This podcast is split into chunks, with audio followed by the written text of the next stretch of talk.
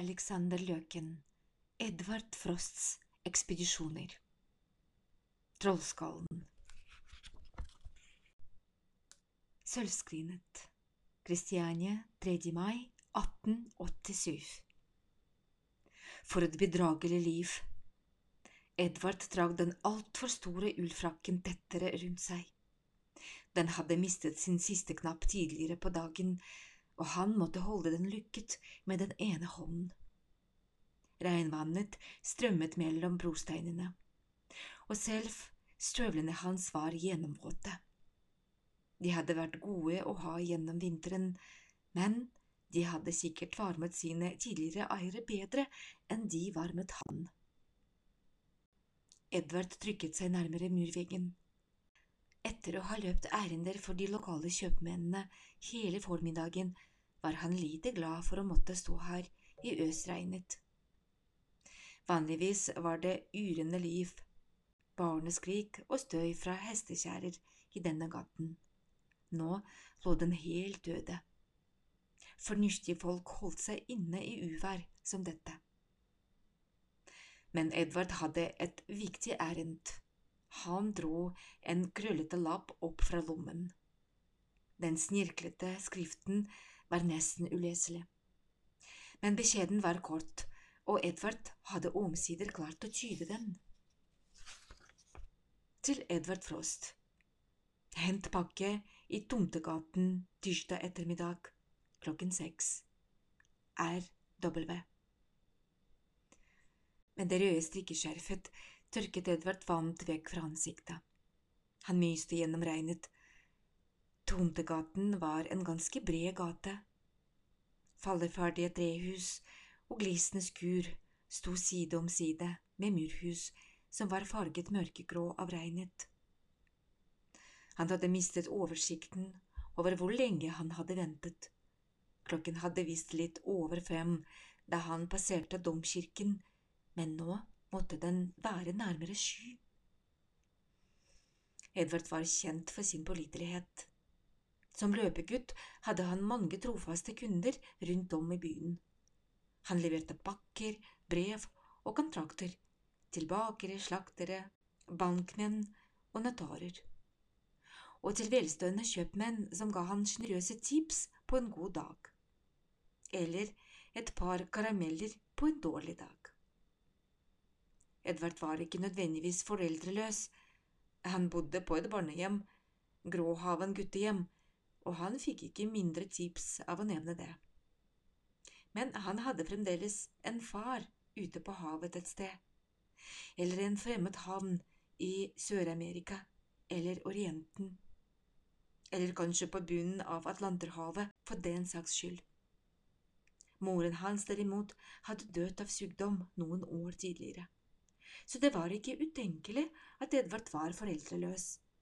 Han kunne bare ikke vite helt sikkert. Regnet hamret så tungt mot brosteinene at Edvard ikke hørte den hestetrykkende vognen med det samme. Den rundet hjørnet og kom nedover gaten i stor fart. To parafinlykter flakket gjennom striregnet. Vognet bråstoppet foran Edvard. Han følte seg liten ved siden av de svarte hestene. De vrinsket urolig og pustet skyer av damp fra neseborene. Kusken satt urørlig under en regnkappe. Han stirret tomt framfor seg. Vognen hadde så vidt stoppet da døren smalt opp. En mann klatret raskt ned fra vognen. Han var pent kledd, i svart fra topp til tå. Øynene var skjult i skyggen av en flosshatt, og han hadde en flat nese og bred munn. Han hadde korte bein til å være så høy. Den stinne magen og de lange armene gjorde at han lignet en gorilla. Synet fikk Edvard til å rygge helt inntil den kalde murveggen. Hvor er professoren? spurte mannen. Han hadde en grumsete stemme. Han er hjemme, vil jeg tro, svarte Edvard nølende. Mannen bøyde seg ned så han sto ansikt til ansikt med Edvard. Ja vel, og hva er så du for et merkelig lite vesen? Guttene på barnehjemmet syntes også at Edvard var merkelig. Han hadde vokst opp i bedre kår enn de fleste av de andre foreldreløse, og passet ikke helt inn blant de tøffe gateguttene. Så han holdt seg mest for seg selv. Og så var jo håret hans ganske snodig. Det var helt grått. Ikke lyst og tynt som håret til en gammel mann, men stritt og mørkegrått som jern. De andre barna mente at han måtte ha blitt skremt så kraftig i barndommen at håret hadde mistet all farge. Det kunne i så fall ikke Edvard huske, men han hadde ingen bedre forklaring på hvorfor han hadde grått hår i en alder av 14 år. Jeg heter Edvard Frost, svarte Edvard og rakte mannen den håndskrevne beskjeden. Jeg ble sendt for å hente en pakke. Ingen har fortalt det til meg, bultet mannen. Han kastet et raskt blikk på lappen. Jeg er en forretningsmann, jeg forventer en vis profesjonalitet. Han fnyste. Og jeg hater barn. Gi meg pakken, så skal jeg komme meg av gårde, sa Edvard. Han prøvde å skjule at stemmen skalv litt. Mannen kikket betenkt rundt seg. Han pustet tungt og virket utålmodig. Omsider boret han blikket i Edvard igjen. Si meg, herr Frost, verdsetter du livet ditt? Mannen ventet ikke på svar. Isteden dro han frem en liten gjenstand fra frakkelommen. Forsiktig plasserte han den i hånden til Edvard. Det var et lite sølvskrin. Ikke større enn snusdåse, dekorert med sirlige mønstre og tegn.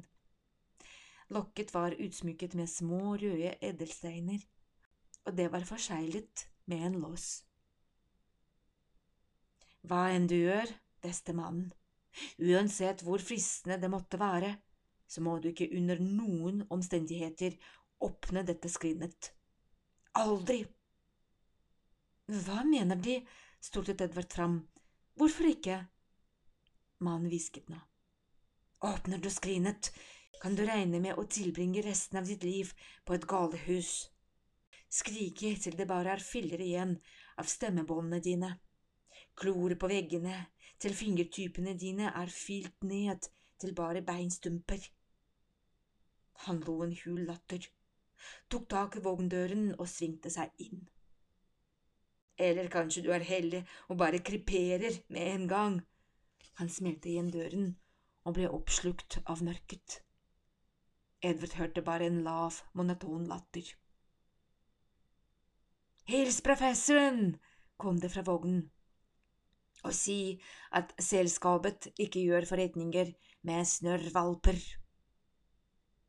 I det samme lot kusken pisken lyne over hesteryggene. Med et rykk satte vognen av gårde nedover gaten. Edvard ble stående og se etter den. Snart skimtet han bare de duse parafinlyktene gjennom tåken. Han puttet den lille sølv... sølvskrinet i jakkelommen, hjertet hans banket raskt. Han hadde knapt lagt merke til at regnet hadde lettet. Edvard småløp nedover de glatte brosteinene. Han smatt inn en sidegate, plasket gjennom gjørmen ved noen gamle runder i Vognmannsgaten og hoppet gjennom et hull i et plankegjerde. Etter noen få minutter sto han andpusten foran en vindskjev bygård. Det skrøbelige taket så ut som det kunne rase ned på fortauet hvert øyeblikk. Midt på inngangsdøren hang det en dørhammer. Den var formet som et glefsende ulvehode. Edvard banket på døren tre ganger. Slagene gjallet hult i trappeoppgangen bak døren. Han ventet litt, men ingenting skjedde. Edvard pleide å gå innom professoren et par ganger i uka for å høre om han trengte hjelp med noe.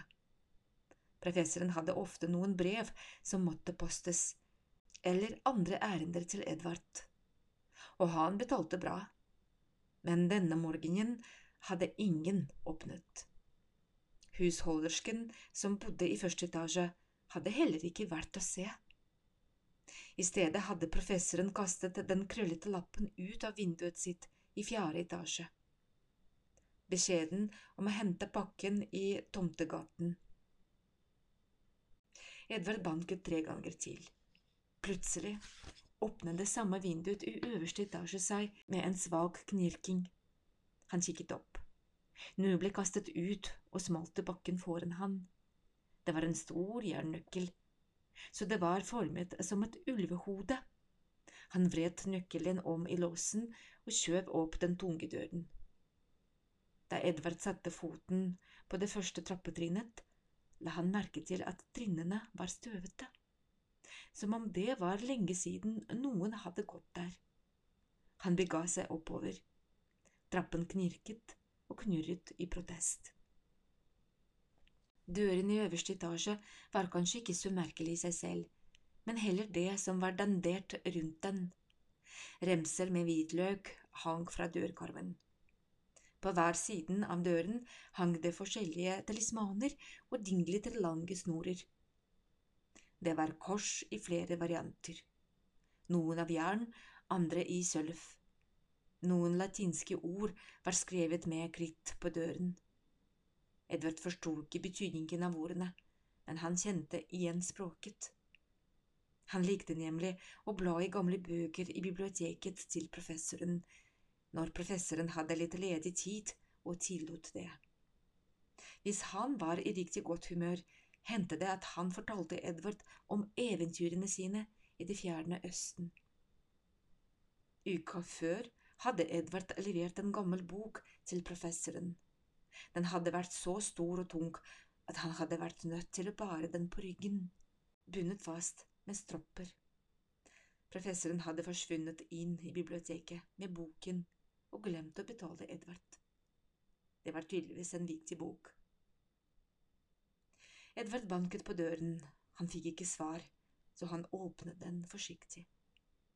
Da han krysset dørterskelen, la han merke til en tykk stripe med salt. Edvard visste hva det betydde. Uvedkommende, ingen adgang. Leiligheten var kun opplyst av noen halvveis nedbrente vokslys. Luften var tykk og innestengt, og en tung dis omkranset lysene. Edvard beveget seg forsiktig innover i leiligheten, det knirket svakt i gulvplankene. Hva har skjedd her? Han lot blikket streife over det dunkle rommet. Aller mest hadde han lyst til å løpe ut igjen, men nysgjerrigheten tok overhånd. Det var en nedslitt leilighet med blasse, grønne tapeter. Møblene hadde professoren tatt med seg fra hjembyen i Tyskland, bortsett fra dem han hadde brakt med seg fra reisene sine. Langs alle veggene var det bokhyller. De var overfylt av eldgamle bøker og papyrusruller. Noen steder hang det falmende fotografier av professoren på hans mange reiser. Edvard hadde gjenkjent Egypt, der professoren poserte på en kamel foran sfinksen, og Kina, der professoren sto og røykte en pipe på den kinesiske mur. Det var også bilder fra andre steder i det fjerne Østen, Nepal, Tibet og Japan. Edvard hadde alltid syntes at professoren hadde en veldig ren og ryddig leilighet til å være en gammel ungkar. Ikke så mye som et støvkorn dekket de utallige bokrekkene. Men nå så det ut som om en virvelvind hadde passert gjennom stua, innom bokhylla og over skrivebordet. Gulvet var nærmest dekket av papirer og bøker. Noen av bøkene var revet i stykker. Langs et bord sto det flere reagensglass og målebagere. Væsker i forskjellige farger hadde rent ned på gulvet, eller hang som slimete istapper langs bordkanten. Det var flere ukjente og ubehagelige lukter i leiligheten, men stanken av svovel var mest gjennomtrengende. Det sved i nesa. Edvard tørket noen svettdropper fra pannen. Han så seg rundt. En smal lysstripe trengte ut fra en halvåpen dør. Det var døren til biblioteket. Edvard stilte seg utenfor og lyttet. Han kunne høre en svak knitring fra peisen innenfor. Igjen kjente han trangen til å løpe ut på gaten. Isteden drakk han pusten dypt og la hånden på dørhåndtaket. Sakte kjøp han opp døren. I det svake lyset fra peisen kunne han så vidt skimte konturene av bokhyllene. Mahognibordet og en stor globus. Plutselig skvatt han til. Ved siden av peisen, i den gamle skinnstolen, var det noe som bevegde seg. Professor Wolf, hvisket han. Er det dem, professor? Det knirket i stolen. Han så tydelig omrisset av et menneskehode mot tapetet. Er det skrinet, Edvard? hørtes en tynn, hviskende stemme fra mørket.